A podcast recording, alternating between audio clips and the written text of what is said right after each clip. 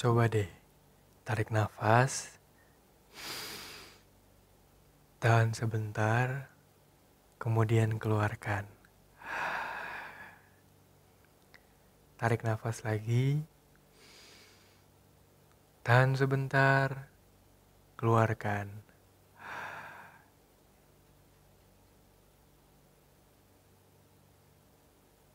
Merasa lebih tenang gak?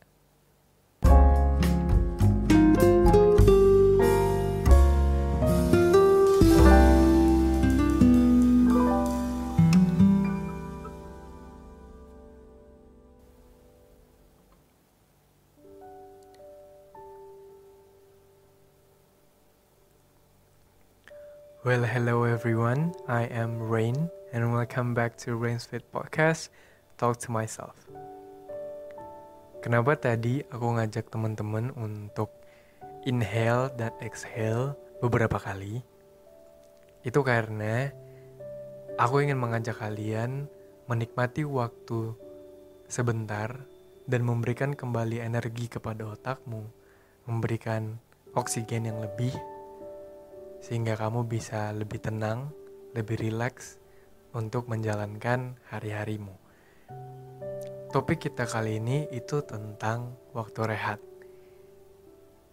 Mungkin teman-teman ada yang sedang kuliah, ada yang udah kerja, ataupun ada yang kuliah sambil kerja, atau ada juga yang sedang menjalankan bisnisnya tentu kita pasti juga punya target masing-masing.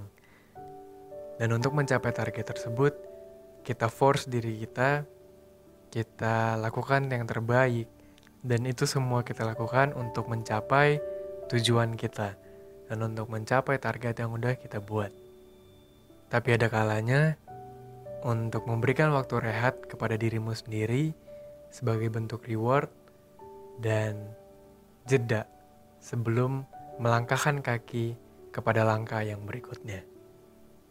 Itu merupakan hal yang wajar ketika kamu memiliki tujuan, kamu akan lebih semangat untuk menyelesaikan journey yang telah kamu rencanakan sebelumnya. Sampai akhirnya ketika kamu sampai tujuan dan melihat bagaimana hasilnya, kamu lebih terpacu lagi untuk melangkah ke level yang lebih tinggi.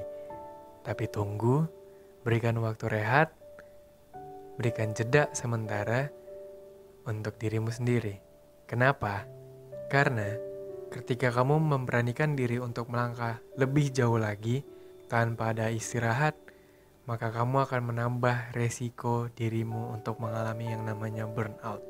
Dan seriously, itu bakal menghabiskan banyak tenaga dan juga banyak pengeluaran. Kenapa aku bisa ngomong gitu? Karena aku baru aja ngalaminnya. Kalau kita bandingkan nih, misalnya target yang pertama udah udah tercapai. Dan kita ngambil waktu liburan sejenak, itu nggak perlu sih sebenarnya liburan mahal. Maksudnya liburan sampai harus ke luar kota, ataupun keluar negeri yang tentunya menghabiskan lebih banyak uang dan persiapan dan juga pastinya tetap capek gitu kan.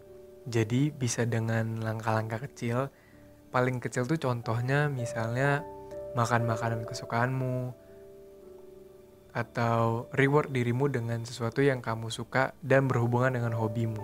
Itu bisa jadi makanan yang kayak tadi aku bilang atau peminuman atau bisa jadi melakukan hobi yang udah lama gak pernah kamu lakuin. Contohnya mungkin kalau emang kamu suka nyanyi, kamu bisa uh, mulai les nyanyi ataupun yang kamu suka olahraga kamu bisa mulai olahraga lagi. Di mana olahraga juga uh, melepaskan hormon-hormon stres jadi kamu bisa lebih relief lagi. Ataupun mungkin kamu bisa memancing atau whatever it is yang pastinya di luar dari rutinitasmu sehari-hari.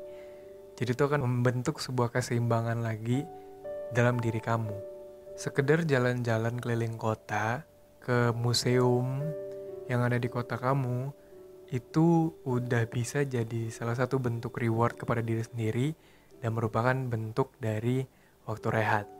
Kalaupun memang kamu suka dengan hal-hal yang bersifat nat, uh, alam, kamu mungkin bisa pergi ke pantai atau naik mendaki gunung. Pastinya nggak terlalu mahal sih sebenarnya. Contohnya misalnya berlibur ke Kepulauan Seribu deh.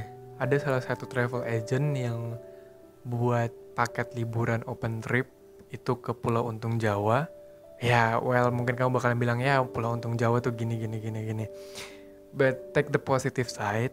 Jadi ke sana itu cuma 100 ribu kurang lebih ya ada yang buat 90 ribu ada yang buat 100 ribu waktu itu aku ngambilnya 110 ribu sih untuk harga paket liburannya selama satu hari dan tambah transportasi sama makan ya kurang lebih jadinya 200 ribuan lah 250 ribu paling banyak nah si 250 ribu itu nggak lebih banyak daripada pengeluaran yang kalian habiskan di saat kalian merasa burnout kan sebelumnya aku udah bilang kalau misalnya burnout itu akan dirasakan ketika kita melangkah ke step berikutnya tanpa ada jeda, tanpa ada yang namanya waktu rehat.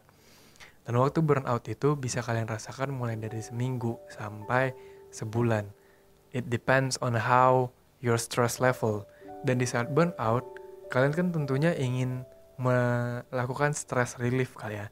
Itu bisa dari cuma sekedar beli minuman atau makanan, yang mungkin pengeluarannya bisa 50 ribu ataupun 70 ribu.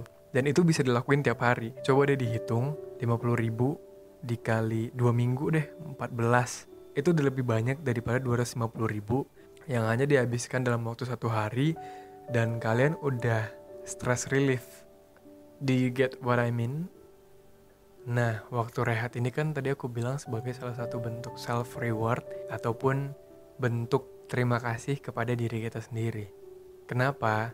Ya karena untuk melakukan proses yang udah kalian lewatin, kan kalian menggunakan badan kalian, kalian menggunakan pemikiran kalian, kalian menggunakan perasaan kalian, dan tentunya itu membutuhkan energi. Ya, ketika kalian juga mencapai target yang udah kalian rencanakan dan berhasil, itu juga karena badan kalian dan pemikiran kalian udah tahan nih melewati prosesnya. Ya masa nggak dikasih apa-apa? Yang namanya hidup tuh harus dinikmatin dan nggak perlu dilakukan semuanya dalam waktu yang terburu-buru. Just enjoy your time, semuanya udah ada waktunya dan semuanya ada rencananya. Kalau kamu terlalu memaksakan dan memang bukan waktunya kamu untuk mendapatkannya, malah kamu yang jadi kecewa tetap lakukan semuanya dalam bentuk profesional.